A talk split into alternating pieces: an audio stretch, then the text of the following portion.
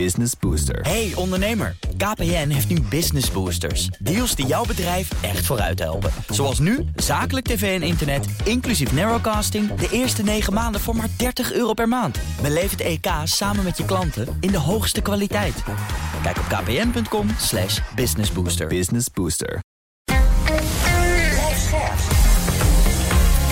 BNR Nieuwsradio. The Big Five. Paul van Liemt. Het Rusland van Poetin komt niet uit de lucht vallen, is onderdeel van een historische lijn. Terwijl Oekraïne dagelijks wordt bestookt met raketten en oorlogsgeweld, beweerde Poetin onlangs dat Rusland nog niet eens serieus is begonnen. Hoe ver gaat de Russische opmars en hoe ziet Poetin de toekomst voor zich? Dat bespreek ik deze week met vijf kopstukken in BNS Big Five van Poetins Rusland. En vandaag is Han Bouwmeester bij me. Hij is kolonel en universitair hoofddocent militaire strategie aan de Nederlandse Defensieacademie. En omdat we elkaar meerdere keer hebben gesproken, wordt het tutoyeren. Welkom. Dankjewel. Ja, voordat ik het eh, met je ga hebben over uh, je persoonlijke fascinatie voor Rusland, over de Russische strategie, wil ik eerst uh, twee dingen van je weten. Namelijk allereerst, de Russische president Poetin die sprak recent nog de Duma toe en toen zei hij: we zijn nog niet eens serieus begonnen. Wat ik net ook in mijn inleiding vertelde. Allemaal refereren aan de oorlog in Oekraïne en dus ook de strijd tegen het Westen. Maar hoe serieus moet je die woorden nu innemen? Ja, goed. Ik denk dat dat past in het grotere beeld wat we steeds meer zien van, uh, van Poetin. Hij zegt heel veel, maar kan dit ook waarmaken. Hè? Er zit heel veel mismatch tussen wat Poetin beweert en andere Russische autoriteiten en wat ze uiteindelijk fysiek uiteindelijk kunnen. Want als je kijkt uh, wat op dit moment de militaire kracht is, nou, ze moeten alles op alles zetten om bijvoorbeeld hun zwaartepunten in de Donbass-regio, uh, om daar vorderingen te maken. Dus we kunnen er gevoeglijk van uitgaan dat dit uh, grote bluff is. Ja, maar dat dat, probeert hij elke keer. Hè. Uh, met zijn taalgebruik, hè, met een mooi woord retoriek, probeert hij heel veel indruk te maken, te imponeren. En soms lukt hem dat ook. Uh, en dan, uh, ja, ook dit soort woorden galmen na. En daar blijven we dan ook heel lang in hangen. Maar ja, als je nou alles afpelt, dan zie je wat blijft er dan over van zo'n Russische strijdkracht die op dit moment bezig is in Oekraïne. En de tweede, dan een persoonlijke vraag. Want ja, Han Bouwmeester, mensen zullen denken... wacht even, die man die begin ik te herkennen van gezicht, ook van stem. Want uh, vaak in de media actief uh, weet het allemaal keurig en mooi te formuleren... geeft goede, diepe inzichten... en wordt misschien dus nu ook wel herkend en aangeklampt op straat. Gaat het al zover of niet? Nee, zover gaat het niet. Nee, uh, toch? Nee, en ik ben ook vaak gekoppeld aan het uniform... omdat oh, ja. ik vaak geuniformeerd ook uitleg geef. En zodra je ook je uniform uitdoet... ja, dan gaat beeldvorming ook meespelen. En dan, ja, dat zal waarschijnlijk waarschijnlijk ook een van de oorzaken zijn waardoor mensen mij niet uh, aanspreken. Of nee, nu in de studio ook een prachtige casual outfit met een witte broek, inderdaad een bruine riem. Ik omschrijf het even en een, ik zie het, nou, een blauw, een blauwe shirt. Ja. Inderdaad, ja, het is heel anders dan dat, uh, dat prachtige militaire uniform. Iran is van plan om honderden drones aan Rusland te leveren. Dat doen ze voor de oorlog in Oekraïne. Dat meldde de Amerikaanse nationale veiligheidsadviseur Jake Sullivan eerder deze week. En omdat we bij al die informatie voortdurend kijken onder welk vergrootglas leggen we, hoe zeker weten we dit. En dan is dit heel belangrijk, want het zou gaan om drones die bewapend kunnen worden. En hoe betrouwbaar acht je dan deze informatie? Nou ja, je ziet uh, wel meer hè, dat uh, de Amerikaanse veiligheidsadviseur met dit soort informatie naar buiten komt. Hij wordt gevoed door die Amerikaanse inlichtingendiensten. En die hebben over het algemeen zeer goede inlichtingen. En zij gaan ook niet over één nacht ijs. Ze zullen dat goed afwegen. En als ze er ook van overtuigd zijn dat dat gebeurt. En er zijn nu ook wel aanwijzingen dat dat zo is. Want wat ze ook noemden is dat de Russen waarschijnlijk uh, deze maand in juli nog versneld in opleiding gaan in Iran. Om daar um, ja, wegwijs te worden gemaakt op het gebruik van die drones. En um, ja wat ook meespeelt is dat Poetin volgende week ook naar Iran toe gaat. En er is een, staatsbezoek, volgens mij is dat de 19e, staat aangekondigd. Het is eigenlijk om ook te praten samen met Oekraïne, ja, weliswaar in verschillende sessies. Uh, het is ook de bedoeling dat Erdogan daar naartoe gaat, die opnieuw weer een poging gaat doen. Maar ja, als je dan toch in Iran bent, ja, dan zal hij ook van de gelegenheid gebruik maken, neem ik aan, om ook met Iran over ja, de levering van, van, van drones, Uh, te gaan praten. Nee, ervan uitgaande dus dat dit waar is. Omdat we straks over misleiding praten, je op gepromoveerd bent. En dan uh, vanuit Russische optiek. Maar ja, je kunt ook zeggen dat uh, gebruiken de Amerikanen ook. Want heel lang was het in het Westen, doen we daar niet aan. dat is niet ethisch. Maar ja, in oorlog zijn heel veel dingen niet ethisch. Dus het zou ook kunnen dat, dat dit ook een, truc is. Een, een, manier om, om de vijand te misleiden. Oh, zeker. Ja, um, het is niet zo dat alleen maar Rusland het alleen recht heeft op het gebruik van misleiding. We doen het natuurlijk zelf ook. Maar zo is het al heel lang neergezet, toch? dat, dat vooral de Russen dat doen, want wij doen dat niet. Dat is, dat is niet ethisch. Dus we gebruiken van alles en nog wat. We snappen dat het oorlog is, maar dit niet. Ja, ik denk dat we dan toch wel een beetje meer wakker moeten worden. want dat, dat is absoluut niet zo. Nee, dat is ons wijs gemaakt ook. Nou, wijsgemaakt weet ik niet. Kijk, um, wij doen vanuit het Westen doen wij ook dit soort zaken. Als ik terugga naar 2003, als ik kijk hoe onder wat voor redenen onder andere Amerika uh, Irak is binnengevallen, ja, dan zie je dezelfde soort uh, mechanismen in werking treden. Waar zelfs een Colin Powell, die daar later heel veel spijt van heeft gehad in de Veiligheidsraad, um, dat standpunt van Amerika heeft verdedigd uh, om daar naartoe te gaan. En dat bleek uiteindelijk op drijfstand gebaseerd te zijn, omdat het in de hoofden van mensen zat van die toenmalige Bush-regering van ja, wij moeten daar naartoe gaan, want dat is goed om dat te doen. En ze hebben alles aangewend om dat te doen. Hè. Weapons of Mass Destruction was toen het grote punt. En um, ja, dat bleek uiteindelijk ook niet waar te zijn. Maar dan gaat het hier over Colin Powell, over Amerika. Maar Nederland kan er ook wat van natuurlijk. Het kabinet onlangs bij ongeluk bekend dat Nederland drones aan uh, Oekraïne levert. Per ongeluk. Ik bedoel, dan jij juist als militair stratege, daar kijk je dan toch ook denk met een bepaalde blik. Nou ja, goed.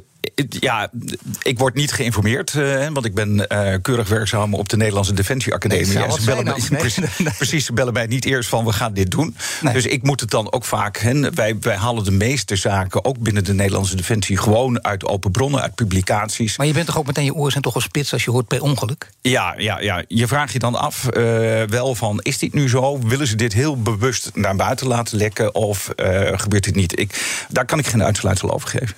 Nu is het zo dat uh, we zijn bijna vijf maanden op weg. Of onderweg kun je misschien beter zeggen met de oorlog in Oekraïne. Officieel heeft uh, Poetin Oekraïne nog steeds niet de oorlog verklaard. En ook daar gaan verschillende versies er rond uh, over de redenen waarom. Wat, wat is jouw versie? Nou ja, wat je meer hoort en wat ook in verschillende publicaties staat, is dat hij, hij wil toch voorkomen dat een soort paniekreactie gaat uitbreken onder de bevolking. En dat zou zijn hele eigen statuur binnen, binnen Rusland aan het wankelen kunnen, doen, uh, kun, kunnen brengen. En dat wil hij dus ten, uh, ten eerste voorkomen. Ja, waar er nu sprake van is, is dat hij de regio's afgaat en daar een soort vrijwillige bataljons wil gaan opzetten. Hij heeft al in die regio's, want het, de, de Russische strijdkrachten bestaan uh, naast dienstplichtigen ook onder uh, uit zogenaamde um, jongens die en meisjes ook die contracten hebben uh, getekend. Ja. De contractniki zijn dat, maar die komen voornamelijk ook uit die, uit die arme streken van, van Rusland. Um, maar wat, wat, waar die los van dit programma, waar die dus mee bezig is, is nu om vrijwilligers in alle regio's. En daar schijnt aanwas voor te zijn, ook in de regio Moskou, las ik. En de inschatting van dat de. Dat is voor het eerst dat Moskou ja, mee gaat doen. Ja, ja, ja. ja, want dat bleef toch wel een beetje beetje gevrijwaard. Want dat is ja. toch wel de wat rijkere regio.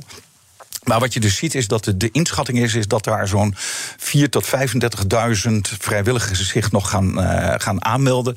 Waaruit ze toch weer een fors aantal bataljons de grootte van zo'n uh, 4 tot 600 mensen willen gaan werven. Die uh, dan, en die, die, hebben totaal geen militaire ervaring, maar die krijgen dan een maand opleiding, worden klaargestoomd om zo snel mogelijk uh, ook naar de Donbass-regio Maar het is belangrijk, maar mijn vraag was natuurlijk uiteindelijk: waarom heeft hij officieel nog niet de orde verklaard? En stel dat hij dit gaat doen, dus waarom en wat gebeurt als hij dat wel doet? Nou ja, als hij dat wel gaat doen, dan zie je dus allerlei zaken in de Russische maatschappij gaan veranderen. Hè? Want dan gaat ook mogelijk uh, de hele mobilisatie afgekondigd worden. En dat gaat heel erg zichtbaar worden in de Russische maatschappij. En dan gaan er natuurlijk ook weer hele vervelende vragen van waar zijn we nu eigenlijk mee bezig? Hoeveel slachtoffers zijn er? Hè? Met een mooi woord in Rusland is dat vracht 200. Dat is een codewoord zoals dat gebruikt wordt. Vracht 200 is voor doden en vracht 300 is voor gewonden. Um, die vraag die wordt een beetje uh, weggemoffeld nu. Maar als je die hele uh, maatschappij gaat mobiliseren voor die oorlog, ja, dan gaan dit soort vragen ook wat meer spelen. En wat er ook meespeelt, het, uh, het, het wordt nu toch ook wel zichtbaar dat die militaire bloggers, die eigenlijk al de laatste twee maanden heel kritisch zijn op het beleid van Poetin en met name op de oorlog die gevoerd wordt, ja, dat begint ook een vervelende factor voor hem te worden. Ja, en die, en die kunnen best wel eens en dat noemen ze dan ook in, in, in het kader van informatieoorlogvoering, noemen ze dan sociale amplificatie. Sociale dat, amplificatie? Ja, dat wil zeggen, dat, en dat, daar zit een soort vliegwiel-effect onder. Die kunnen, omdat het op social media verspreid wordt, die kunnen aanjagers zijn voor de mainstream media. En dat de mainstream media ook in kranten en wellicht toch wel wat meer mensen die ook openlijk een statement durven te maken op televisie of radio, die daar meer over gaan praten. Maar zover willen ze het niet laten komen, want dat ga je krijgen als je dus je hele hele maatschappij gaat mobiliseren. Daarvoor. Maar je kunt er niet eh, voorstellen dat dit, uh, stel, uh, dat dit 10, 15 jaar gaat duren, wat niet denkbeeldig is. kijk naar, naar heel veel mensen die, die zich hiermee bezighouden en, en dat ongeveer uitspreken. Misschien nog wel langer. Dan kun je toch niet in die hele periode blijven volhouden dat het een speciale operatie is, of wel? Nee, op een gegeven moment kan dat ook niet meer. Hè? Want um, je militaire kracht gaat afnemen. Um, als je het alleen met die contractniki gaat doen en als je dat afzet tegen de zware verliezen die ze nog steeds lijden. Uh, en hoeveel weet ik niet. Uh, dat weet ik absoluut niet meer. In het begin werden er door de NAVO en, en door verschillende clubjes werden nog die verliezen bijgehouden. Maar dat durft bijna niemand Maar je kunt wel een bandbreedte aangeven in de zin van zware verliezen. Want anders is dat zomaar een willekeurige term bij. Nou ja, als ik, als ik het zelf moet inschatten, denk ik. En de Oekraïners zullen iets overdrijven. En die zitten al op de 35.000 gesneuvelde Russische militairen. Nou, ga daar eens wat onder zitten. Dan zit je toch zeker 25 tot 30.000 Als ik een voorzichtige inschatting moet maken. Nou ja, maar dan heb je dus inderdaad een hele flinke slag uh, toegebracht. En dat duidt er ook op dat het nog heel erg lang kan, gaan duren. Omdat van beide kanten de slagkracht uh, soms heel sterk en soms wat minder sterk is. Maar in ieder geval redelijk aan elkaar gewaagd, zou je dat kunnen zeggen? Ja, goed, maar je moet. Kijk, dit is een uitputtingsoorlog. Hè? En aan beide kanten zie je dat uh, het materiaal slijt. Het materiaal wordt uitgeschakeld. Er worden de sneuvelen aan beide kanten heel veel troepen. Ja, hoe lang hou je dat vol? Dat is dan ook de vraag. En hoe lang hou je dat vol? zeker vanuit Russische zijde, want dat was dus ook eerder de vraag, zo'n speciale militaire operatie.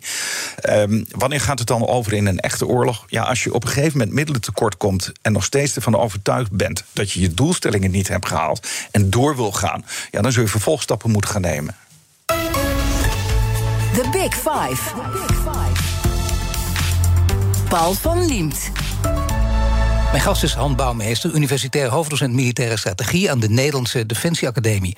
Nou, dat is een hele interessante, mooi aanknopingspunt ook, want je zult vervolgstappen moeten gaan nemen. Maar waar kun je dan aan denken? Wat zijn de belangrijkste vervolgstappen? Nou ja, de belangrijkste dingen is materiaal. En eh, nu even geredeneerd vanuit Russische zijde, hè, want daar, daar, daar zoomen we het liefst op in. Um, als je kijkt, materiaal zal best wel een probleem worden, want je kunt niet zomaar uh, alle productielijnen uh, omtoveren en omschakelen, zodat uh, per dag er uh, drie tanks van de, van de lopende band afrollen. Dat, dat gaat gewoon niet. Hè. Dus die switch moet je gaan maken. Um, en ben je daartoe bereid? Hè? Want dat wil zeggen dat je je uh, industrie daarop moet gaan inrichten. En aan de andere kant heb je natuurlijk uh, heb je steeds nieuwe mensen nodig om, om aanvullingen te doen. Ja. Om voldoende vermogen te blijven houden. Om uh, dit soort operaties te kunnen uitvoeren. Nu speelt er nog een, een andere zaak mee. het is een keer of twee, drie nu al in ons gesprek te sprake gekomen. De misleiding, niet voor niets, want je bent een aantal jaar geleden gepromoveerd op misleiding, althans op de Russische variant daarvan. Uh, wat fascineert je daar vooral aan, aan misleiding? Of kwam dat gewoon op je bord? Dat iemand zegt, nou, uh, Han Bouwmeester, is iets voor jou. Nee, ik was sowieso altijd al geïnteresseerd in de Russen. Um, dus dat, dat heb ik eigenlijk al, omdat ik nog opgeleid ben op de Koninklijke Militaire Academie ten tijde van de Koude Oorlog. En toen was Rusland Warschau Pact. Ja, Rusland was toen nog Sovjet-Unie. Um, was onze potentiële tegenstander. Dus ik vond het ook interessant om mij daarin te verdiepen. En je bent ook opgeleid aan de, aan de US School of Advanced Military Studies. Ook ja. interessant. Als eerste Nederlandse militair, dat heeft allemaal invloed uitgeoefend. Allemaal te maken met het feit dat je voor misleiding koos. Nou, dat was wel een opvallende. Um, naast dat ik dus in, in Nederland in mijn eigen militaire academieperiode daar uh, mee bezig bezig ben geweest. En um, ik had ook een vriend daar, uh, Menno Lodders, die helaas in 1992 is omgekomen tijdens een humanitaire missie in Sint-Petersburg. Uh, dat was een jongen die um, uh, dienstplichtig was geweest bij de MID, de Militaire Inlichtingendienst, had gewerkt en een jaar lang ook Russische opleiding had gehad. Dus hij sprak heel goed Russisch. Dus hij werd ook gevraagd om toen net de Sovjet-Unie uit elkaar gevallen was, om die missie in Sint-Petersburg te gaan doen. En toen is hij bij een helikopterongeluk helaas om het leven gekomen. Ik heb ook overigens mijn proefschrift aan hem opgedragen. Maar even over die School of Advanced Military Studies. Want ik zag dat wij in Nederland um, ook op de, um, wat toen nog de hogere militaire vorming was, wat ik ook in, uh, in de volksmond ook wel de hogere krijgsschool uh, genoemd. Dat zijn dan majors en overstes die in opleiding gaan om door te stromen naar de hogere rangen en naar de hogere functies binnen de krijgsmacht.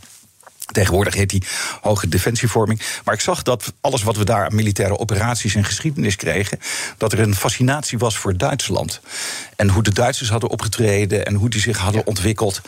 Um, en dat we heel weinig deden toen ten tijde. Ik zat daar in 2000, 2001. En wij deden heel weinig aan de Russen. Totdat ik in Amerika kwam, op die, onder andere die School of Advanced Military Studies.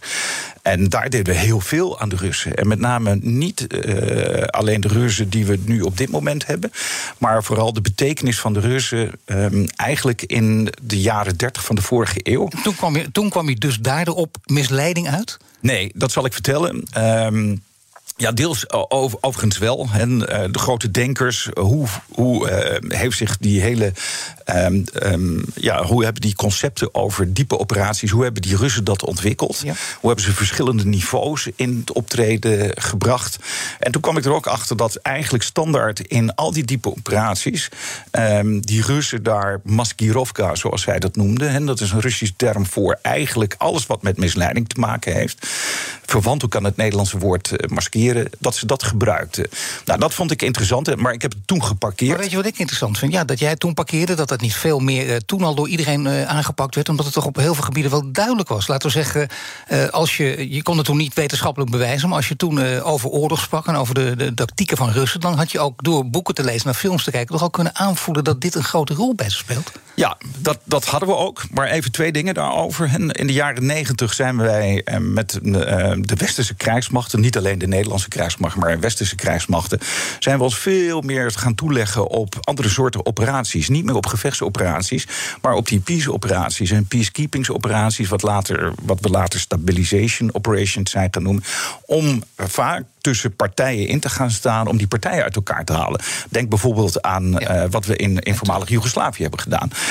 En wat je dan ziet is, is dat juist in dat soort operaties moet je geen misleiding gebruiken. Want misleiding, als je dat doet, uh, dat gaat ten koste van vertrouwen. Natuurlijk, nee, dat doe je duidelijk in koude oorlogssituaties. Ja. Maar we weten nu wel dat koude oorlog mainstream is. Ja, ja nu wel koude weer. oorlog niet. Nu wel weer, maar toen helemaal niet. Ja, dus... Vind je dit ook, wat veel mensen nu zeggen... dit is een soort interbellum tussen twee koude uh, oorlogen... waar we nu in verkeren, of ja. verkeerden? Ja, ja, ja, ik hoor het meer. En dat ja. zou best wel kunnen. Dat weet ik ook niet, hè, want dat is ook gekoppeld aan de vraag... waar eindigt die uh, oorlog eigenlijk... en hoe gaat Rusland zich dan opstellen? Ja, maar jij is militair stratege, ik begrijp het. Want je, moet, je kunt nooit zeggen, dit, dit, het is A of B, dat zou te makkelijk zijn. Zo'n vraag ga ik ook niet stellen. Maar het gaat wel die kant op. Je, je schaat je toch meer in het kamp van mensen die dat denken... dat roepen? Ja, eigenlijk wel. En eigenlijk zitten we daar nu al in. Want je ziet al hoe wij stelling nemen tegen Rusland. Uh, eigenlijk zitten we al in die uh, uh, de vernieuwde Koude Oorlog. Kijk, en dan gaat het precies over de vraag die mijn gasten hier stellen. En de gast die ik had in de kettingvraag, dat was Hubert Smeets. En die had deze vraag voor jou. Mijn vraag aan bouwmeester is: vanaf dag 4 van de oorlog tegen Oekraïne klonken er in Nederland op radio en televisie stemmen dat Oekraïne moest deescaleren en misschien zelfs moest capituleren. Want, dat was mijn idee, dat hadden wij in 1940 ook na vijf dagen gedaan. Dat is niet gebeurd. Waarom denkt kolonel Bouwmeester dat de Oekraïense bevolking en de Oekraïense legerleiding en de Oekraïense president niet hebben geluisterd naar de pleidooien vanuit Nederland om te deescaleren en misschien zelfs te capituleren. Wat is er anders in Oekraïne dan in Nederland? Ja, goede vraag van de journalist en historicus Hubert Smeets. Ja, zeer de goede vraag. Ik mag ook altijd uh, graag naar uh, de heer Smeets luisteren. Maar ik vind het een bijzonder mooie vraag. Kijk, wat je, wat je ziet hier is dat uh, de, er zijn toch cultuurverschillen tussen Nederland en tussen Oekraïne. Uh, Oekraïne, als je, als je wat in de historie gaat spitten. Um, het land is nooit heel erg erkend door Rusland. Terwijl ze wel behoefte hebben aan een eigen identiteit. Hè. Dat zie je nu ook wel meer de laatste twintig jaar. Identity politics noemen ze dat dan. Uh, volkeren hebben behoefte aan, uh, als ze cultureel iets delen, gezamenlijke taal hebben. dan willen ze dat ook gewoon effectueren. En, en daar willen ze ook gewoon eigenlijk wel een eigen regio bij hebben. En voor de Oekraïners die vechten daarvoor. En wat je ook ziet is, is um, ook wel een, een verschil in urgentie. Ik, ik, ik, ik, geef wel eens lezingen ook over he, de, Oekraïne-oorlog en hoe we er in Nederland over denken. En uh, om uit te dagen zeg ik wel eens van: ik heb, ik heb soms het gevoel dat Nederland nog in een prachtige Anton Pieckart leeft. Hè, waarbij je op de zondag in de zoete suikerbol even gezellig een kopje koffie gaat drinken. En och, er is niet zoveel aan de hand. En het liefst willen we dan, jongens, allemaal niet dat gezoten mieter. Niet Vooral dat in termen van machtspolitiek ook nee, niet. Nee, niet dat gezoten mieter, niet dat gevecht. En je hoort zelfs uh, kopstukken, voormalige kopstukken van de Shell, uh, Jeroen van der Veer, die roept van laten we nou ophouden met die oorlog en laten we gewoon weer handel gaan drijven. En dat is wel een hele sterke drijfveer uh, in, in Nederland, waar ik achter kom. En in Nederland zijn ook recentelijk weer onderzoeken gedaan naar de gevechtsbereidheid van mensen. En dan kom je op, op getallen uit van 14, 15 procent. En het is dan door die Oekraïne-oorlog 1% toegenomen. Is dat mede de reden dat we uiteindelijk kiezen voor de-escaleren of niet? Want ik ken natuurlijk ook heel veel militair strategen, hoogleraren ook bijvoorbeeld, die, die kiezen juist voor de-escalatie. Die zeggen dat is een belangrijke stap. Uh, ja, de hoop Scheffer bovendien ook. Ook een duidelijke spreekbuis van, van die theorie. Ben je ook meer van, van de school de-escaleren of niet? Nou ja, kijk, um, ja, het zit ook wel een beetje in de traditie van de Nederlanders. En dat hoort bij die handelsgeest. Uh, je wil zo weinig mogelijk uh, trubbels en conflicten op de wereld hebben... om zo goed mogelijk en zo fijn mogelijk uh, handel te kunnen drijven. Maar overal. dat is dus niet prettig voor Oekraïne? Dat is niet prettig voor Oekraïne. Nee, je moet je wel verplaatsen in die mensen. En, um, wat maar is het zo cynisch dat je dan uiteindelijk moet zeggen... in termen van machtspolitiek, luister even... om, om grotere redenen, om anderen te sparen... moeten we Oekraïne gaan opgeven? Nou ja, goed. Um, nee, ik, ik, kijk, het is ook aan de Oekraïner zelf om daar een oordeel over te vellen. Wij bekijken dat vaak vanuit de Nederlandse bril, met die, uh, met die handelsgeest die we hebben. En um, wij zijn eigenlijk ook een beetje de machtspolitiek die over het algemeen in de rest van de wereld gevoerd wordt, een beetje kwijtgeraakt. We zijn ook idealistisch daarin geworden. Dat idealistische zie je eigenlijk ook wel in heel Europa. Dat valt ook wel te duiden. Europa is uh, de laatste 100, 120 jaar het theater geweest van twee wereldoorlogen met verschrikkelijke gevolgen. En was ook het beoogde theater voor de Koude Oorlog. Dus die, de, de gemiddelde Europa zit niet te wachten op een volgend conflict. Die willen dat ook niet meer. In tegenstelling bijvoorbeeld tot Amerika en ook zelfs tot Groot-Brittannië, die dat toch anders hebben ervaren. Nee, maar de wereld van nu ziet er heel anders uit. in deze wereld, en nu wil ik het wel graag in één woord. Als, als, als ik jou echt met het mes op de keel zeg je dan escaleren of deescaleren? Je moet deescaleren. Je moet altijd proberen te deescaleren. In, in, in welke hoedanigheid dan ook. Um, ja. Dus, um, want als je steeds meer stappen en steeds verder gaat, ja, ja waar, waar eindig je dan? Morgen is Europa-verslaggever en slavist Geert-Jan Haan te gast. En collega natuurlijk ook. Abonneer je op onze podcast via je favoriete podcastkanaal... om geen aflevering te missen. En straks praat ik verder met Han Bouwmeester... universitair hoofddocent militaire strategie... aan de Nederlandse Defensie Academie over Poetins Rusland. Blijf luisteren. Business Booster. Hey ondernemer, KPN heeft nu Business Boosters. Deals die jouw bedrijf echt vooruit helpen. Zoals nu, zakelijk tv en internet... inclusief narrowcasting... de eerste negen maanden voor maar 30 euro per maand. Beleef het EK samen met je klanten in de hoogste kwaliteit. Kijk op kpn.com slash businessbooster. Business Booster. Hardlopen, dat is goed voor je. En Nationale Nederlanden helpt je daar graag bij. Bijvoorbeeld met onze digitale NN Running Coach... die antwoord geeft op al je hardloopvragen. Dus, kom ook in beweging. Onze support heb je. Kijk op nn.nl slash hardlopen.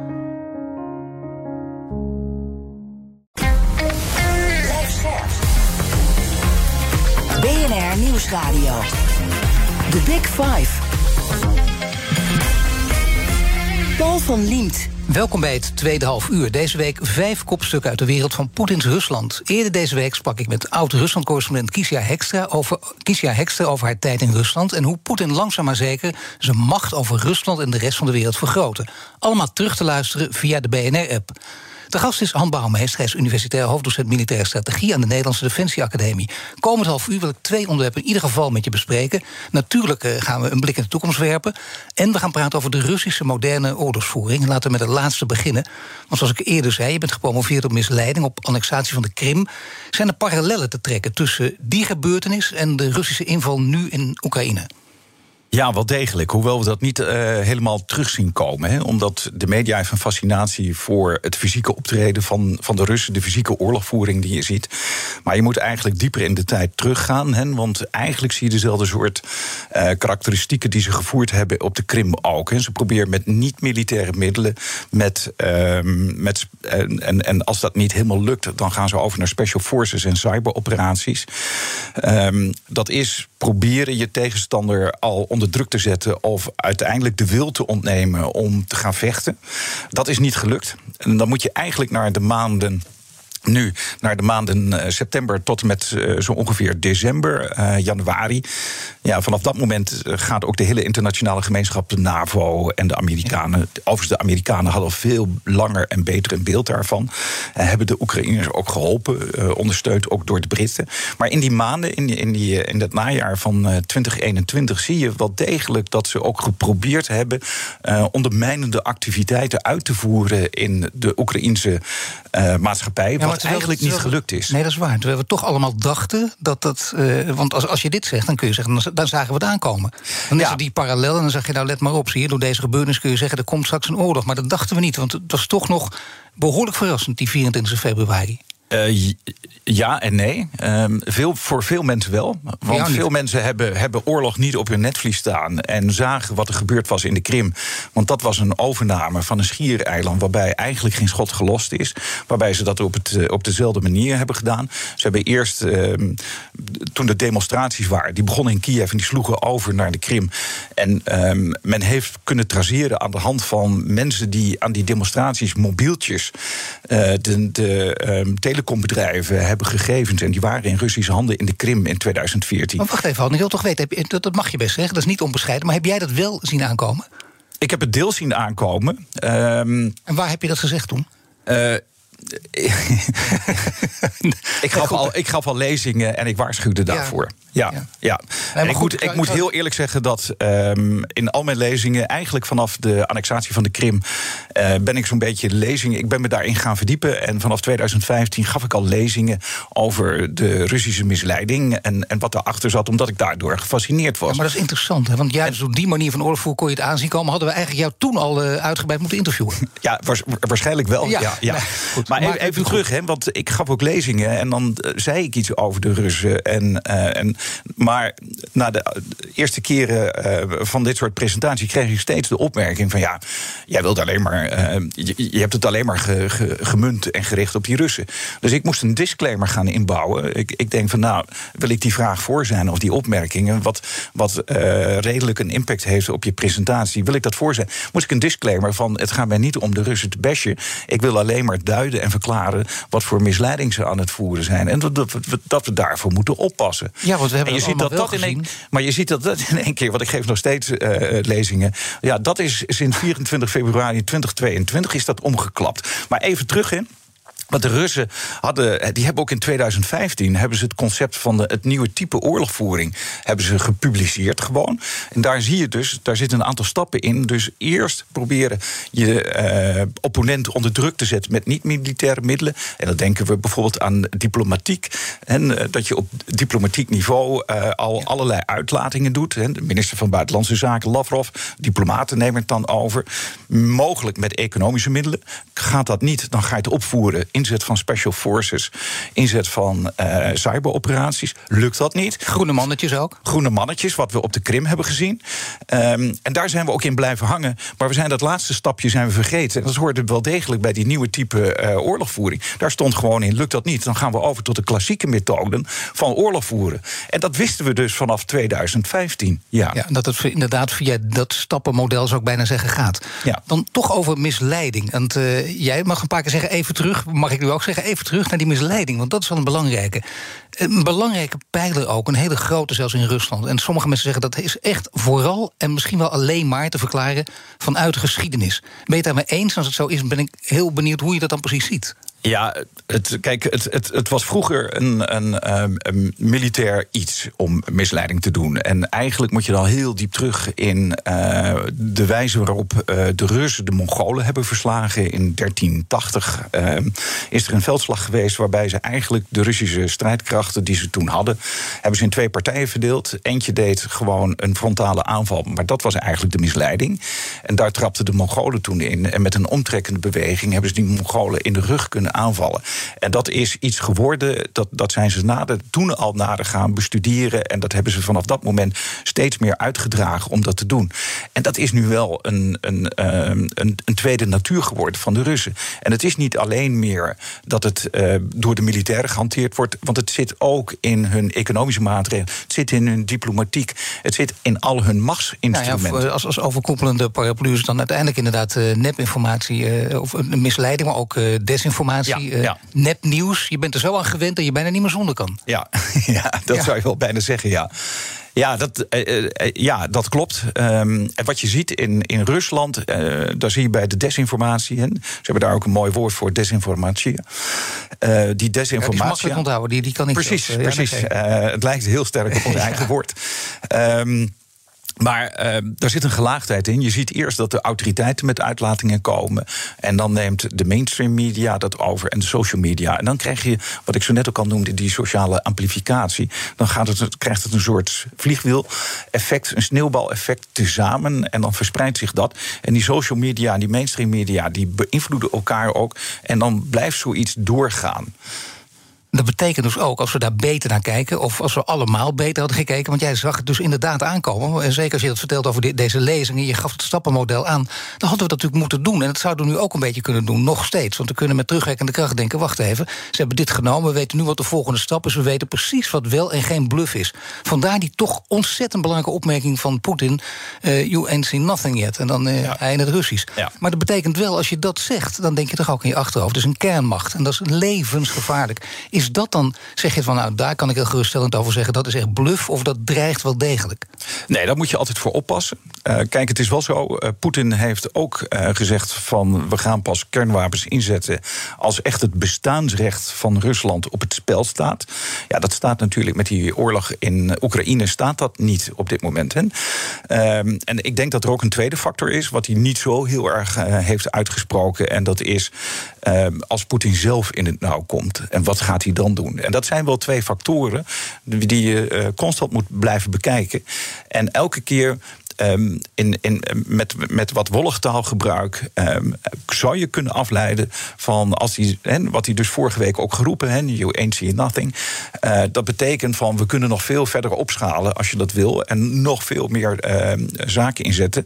Ja, dan ga je toch de vraag stellen: bedoelt hij dan conventioneel? Gaan we nog meer troepen uh, inzetten om conventioneel dat conflict te voeren in, in Oekraïne?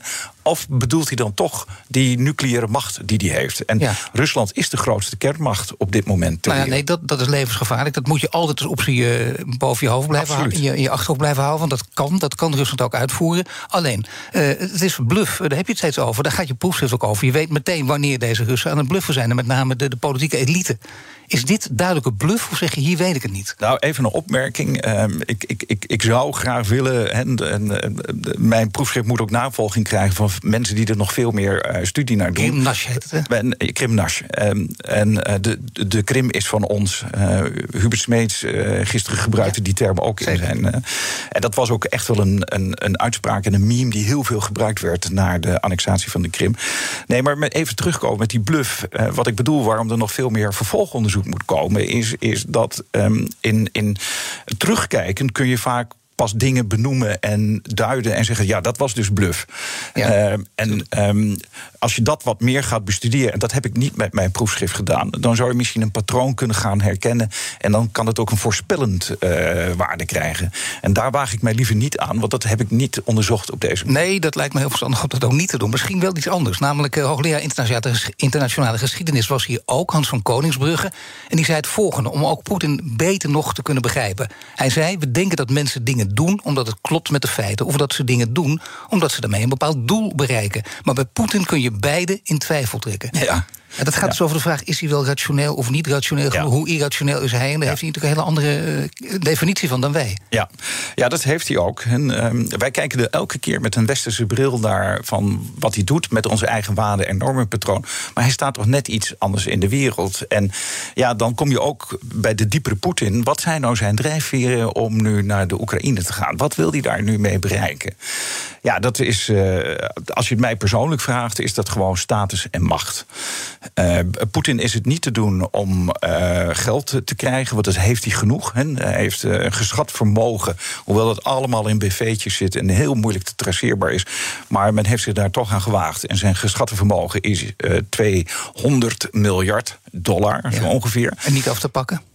Niet af te pakken. En stel dat door die sancties, eh, stel dat hij heel zwaar getroffen wordt. En stel dat hij daar maar 10% van overhoudt. Dan heb je nog steeds 20 miljard. En je kinderen en je kleinkinderen hoeven nog steeds niet te gaan werken. Dus dat is zijn drijfveer niet. Maar Poetin is 69 en hij wordt, eh, 7 oktober wordt hij 70. Maar Poetin gaat nadenken hoe hij de geschiedenisboekjes ingaat. En hij wil natuurlijk gezien worden als een hele sterke Russische leider. Op één lijn met Catharina de Grote, onder andere. Die ook een deel van Oekraïne heeft laten veroveren. Hè, de Novorossiya. En daar wordt ook wel vaker over gesproken. Is het Poetin daar om te doen? Die, eh, dat is ook een van zijn grote favorieten. Ehm, dus dat is veel meer een drijfveer voor Poetin. En, daar is die, en we zien nu ook wel de medogeloze Poetin. En volgens mij was het eh, eh, Hubert Smeet die ook die vergelijk maakte. Zei, ja, je ziet eigenlijk een Poetin voor 2011, 12. Ja. En dan komt hij opnieuw aan de macht. Precies. En we zien nu een andere Poetin. En we zien nu veel meer de, de, de brute en medogeloze Poetin. En, en die wil dat gewoon ten koste van ik weet niet hoeveel dode mensen.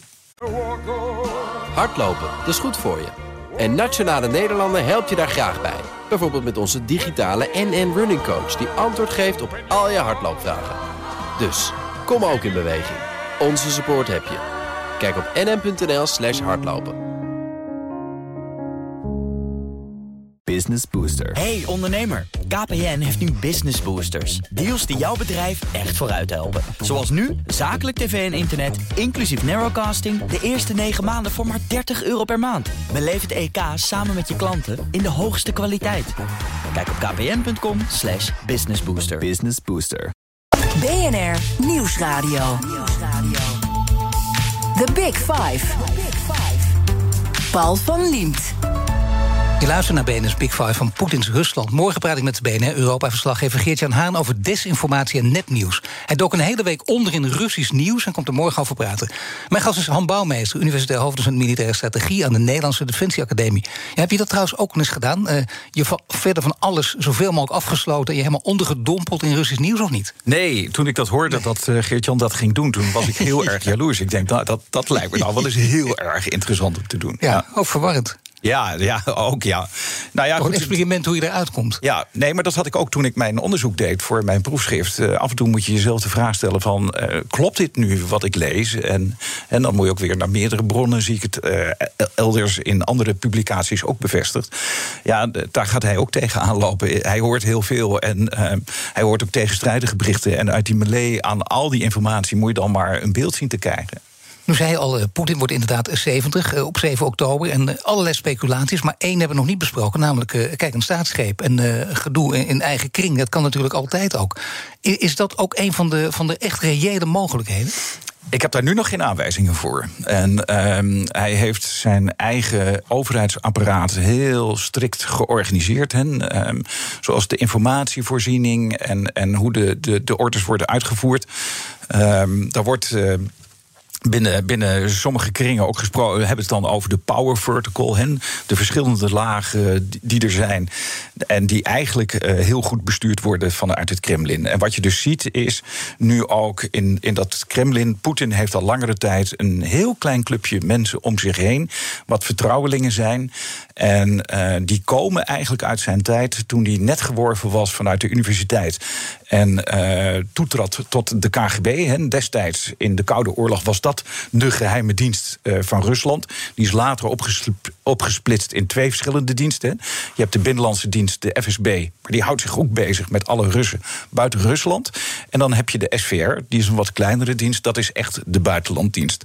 Maar even terug naar die KGB, daar heeft hij een aantal mensen leren kennen. En die zie je nog, die zijn ook allemaal zo'n beetje begin 70. Ehm, dat is de, de, de voorzitter van de Nationale Veiligheidsraad. Dat is. Eh, Patrushev, eh, Nikolai Patrushev, die vorige week nog eens een keer hebben ze die ook geïnterviewd. En die vroeg ze van wat zijn er de doelstellingen van Rusland? En die kwam gewoon weer met hetzelfde rijtje waar Poetin op 24 februari mee kwam. Nou, dat zijn de loyale zeventigers inderdaad bij Ja. elkaar. Dat betekent als Poetin komt te overlijden... dat een van deze loyale zeventigers het ook met gemak kan overnemen. En gewoon Ja. precies dezelfde lijn kan voortzetten. Ja, die Patrushev wordt eigenlijk nog wel beschouwd als een grotere havik dan, dan Poetin zelf.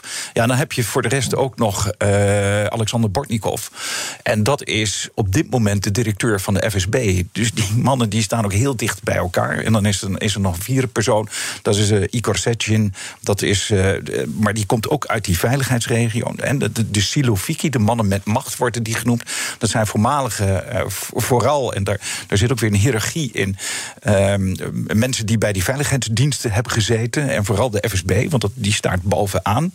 En die Igor Sechin is nu de CEO van Rosneft, een van de grootste. ehm, Energiebedrijven in, eh, Ja. in, eh, in Rusland. En dat zijn de mannen die elkaar opzoeken, die elkaar vertrouwen.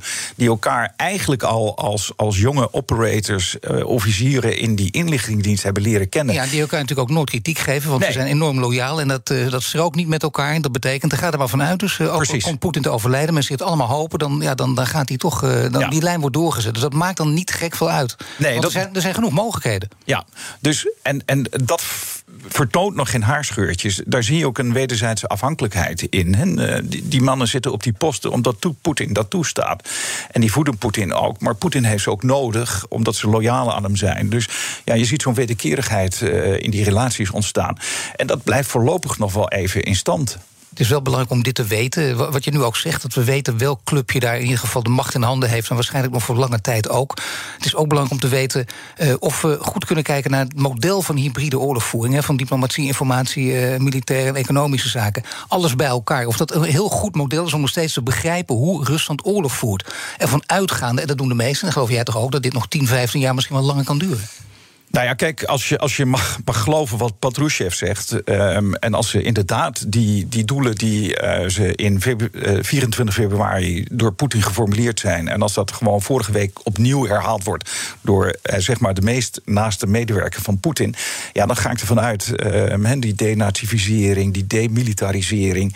ehm, eigenlijk over het grondgebied wat ze willen bezetten. laten ze zich niet uit. Maar het weerspiegelt wel dat ze toch eigenlijk een groot deel van Oekraïne willen bezetten. Ze willen Zelensky weg hebben met zijn regering. Ja, dat betekent gewoon dat die oorlog nog wel voorlopig doorgaat. Dan is het niet alleen de Donbass-regio. Maar betekent het dan ook dat wij die manier van oorlog voeren die zij hebben, die we altijd ook vanuit onze eigen blik hebben bekeken, dat wij een andere blik moeten hebben op eh, bijvoorbeeld eh, diplomatie, eh, wat zij als een, wij als een soft power zien, maar een hele belangrijke. Ja. En we zijn misschien volledig aan voorbij gaan. Ja, nou ja, wat, wat, waar zij ook heer en meester in zijn. En bij ons op, op de Nederlandse Defensie Academie is ook wel eens af en toe de discussie. Ze hebben slechte diplomaten. Nou, de, de, de- een aantal collega's van mij die, die weerspreken dat. Die zeggen het absoluut niet. Het zijn hele geslepen diplomaten, allemaal juristen. die exact weten hoe je internationale verdragen ten eigen faveur moet uitleggen. We noemen dat met een mooi woord ook lawfare. Hè? De samentrekking van law en warfare. En daar zijn zij enorm bedreven in. Ja, dat is inderdaad ook een totale misvatting. Hè? Dat we denken dat ze dat niet hebben. Dat betekent wel degelijk dat ze ook die, laten we zeggen, die oude manier, eh, die, die soft power van diplomatie, dat ze dat niet onderschatten. Dat het voor hen ook een heel belangrijke pijler is en blijft. Ja, nee, maar dan kom je ook naar die, dat nieuwe type oorlogvoering. Dat staat dus bovenaan. Probeer daar al je, je voordeel te gaan halen in, in de eh, internationale geopolitieke situatie. Om daar een eigen voordeel uit te behalen. Ja, dat hebben ze heel goed begrepen. En dan de, de sterkte en de kracht van het leger. Daar gaan natuurlijk heel veel versies eh, ook eh, over rond. Ja, ik ben toch benieuwd. Jij juist vanuit jouw positie, militaire strategie. Dat is heel lastig ook voor jou om te doorgronden met name... maar toch om er wel een goede kijk op te hebben. Hoe sterk is dat Russische leger als, eh, laten we zeggen, dit nog echt heel lang gaat duren? Ja, je ziet nu dat er steeds meer berichten komen, ook, uh, ook uit de arme regio's, dat daar jongens zijn die toch niet meer willen vechten. Dat kan wel eens heel kwalijk gaan worden als zich dat verder uitbreidt. Maar even in grote lijnen naar dat Russische leger, ja, dat is eigenlijk wel heel goed uh, georganiseerd en geformeerd. Um, ja, maar wat, wat, wat mij op... erop is, wordt vaak lachig ja. over gedaan natuurlijk ook. En kijk eens eventjes, ze zijn helemaal niet goed genoeg. Ze moeten ze overal vandaan zien te halen. Nu zelfs ook uit Moskou. Ja, maar dat vind ik heel makkelijk. Ik, heb, ik laat ook wel eens het reliefkaartje van Oekraïne zien. En dan stel ik de vraag, zouden wij nou zoveel beter doen met de NAVO? Daar moeten we gewoon heel eerlijk in zijn. Het is heel makkelijk om die Russen daarop te veroordelen. Kijk, wat ik wel opmerkelijk vind, is dat je als je ziet dat je moeilijk begaanbaar terrein moet... en dat je dat dan in de maanden gaat doen, zo'n aanval gaat laseren... waarbij er ook heel veel regen is en slecht weer... Uh, dat maakt de terreinbegaanbaarheid voor allerlei voertuigen heel slecht. En om dan zo'n aanval te lanceren, ja, daar stel ik ook mijn vraagtekens bij. Dan denk ik van, nou, hebben ze daar dan uh, niet beter willen kijken uh, naar hoe die situatie is? En er zijn wel meer dingen. Hè. Als je twee noordelijke aanvallen lanceert, wat aanvankelijk het gebeurde hè, rondom Kiev, vanuit het noorden, vanuit Belarus en vanuit Rusland zelf, met een lange lijn, eh, wat uiteindelijk ook militair niet haalbaar bleek te zijn. En los daarvan heb je in het oosten en het zuiden twee operaties. En je stelt dat niet onder algeheel bevel. Uh, waar ze zelf de uitvinders van zijn. En uh, Alexander Svetshin in de jaren 30 van de vorige eeuw, die had het over strategie. Maar daar moet een, een, uh, een niveau onder, het operationele niveau, die dit soort zaken op elkaar bindt. En dat doen ze dan niet. En dat vind ik wel opmerkelijk. Nee, die fouten maken ze natuurlijk. Maar je zegt vooral niet onderschatten dat Russische leger. Nee, en zeker niet lachen erover doen wat in sommige kringen nu wel gebeurt. Nee, ja, je zag ook een tendens op een gegeven moment dat we dachten van, oh, wacht even, naar een, een, een paar weken, een paar maanden misschien. Van oh, die Oekraïners zijn nu in één keer aan de winnende hand. Ja, en toen vond het heel vervelend. En dat gebeurde ook met wat kleine tegenaanvallen. En toen gebeurde het toch nog steeds dat Rusland het langzaam maar, zeker opkruipt. Alleen wat zij niet doen en wat wij in het Westen, en wij kijken vaak met een westerse bril daar. Wij willen graag de manoeuvre-oorlogvoering doen. En bewegelijke oorlogvoering, snel optreden, um, uh, troepen uitmanoeuvreren, soms niet eens het gevecht aangaan. Dat doen zij niet. Zij gaan meter voor meter met uitputtingsoorlog. En dat is hun tactiek. Dat is een andere tactiek, dat is duidelijk. Je mag een korte, bondige vraag stellen. Dat gaat uh, allemaal in het kader van de kettingvraag. Aan de volgende gast, Europa-verslaggever, collega en slavist Geert-Jan Haan. Wat zou je hem willen vragen? Nou ja, goed, we hebben het net over zijn unieke positie gehad. Wat ik hem zou willen vragen is, omdat hij nu dat nieuws volgt... zijn er nu al tekenen zichtbaar dat ook uh, via, via het nieuws in Rusland... mensen langzamerhand worden voorbereid op een eindsituatie uh, in het hele conflict? Daar ben ik heel erg benieuwd naar. Ik dank je, Han Bouwmeester, universitair hoofddocent militaire strategie aan de Nederlandse Defensie Academie. Alle afleveringen van BNS Big Five zijn terug te luisteren. Abonneer je op onze podcast via onze app of je favoriete podcastkanaal om geen enkele aflevering te missen. En nu Iwan van Rips met BNN Breed. Dag. Business Booster. Hey ondernemer, KPN heeft nu Business Boosters. Deals die jouw bedrijf echt vooruit helpen. Zoals nu, zakelijk tv en internet, inclusief narrowcasting... de eerste 9 maanden voor maar 30 euro per maand. Beleef het EK samen met je klanten in de hoogste kwaliteit. Kijk op kpn.com businessbooster. Business Booster.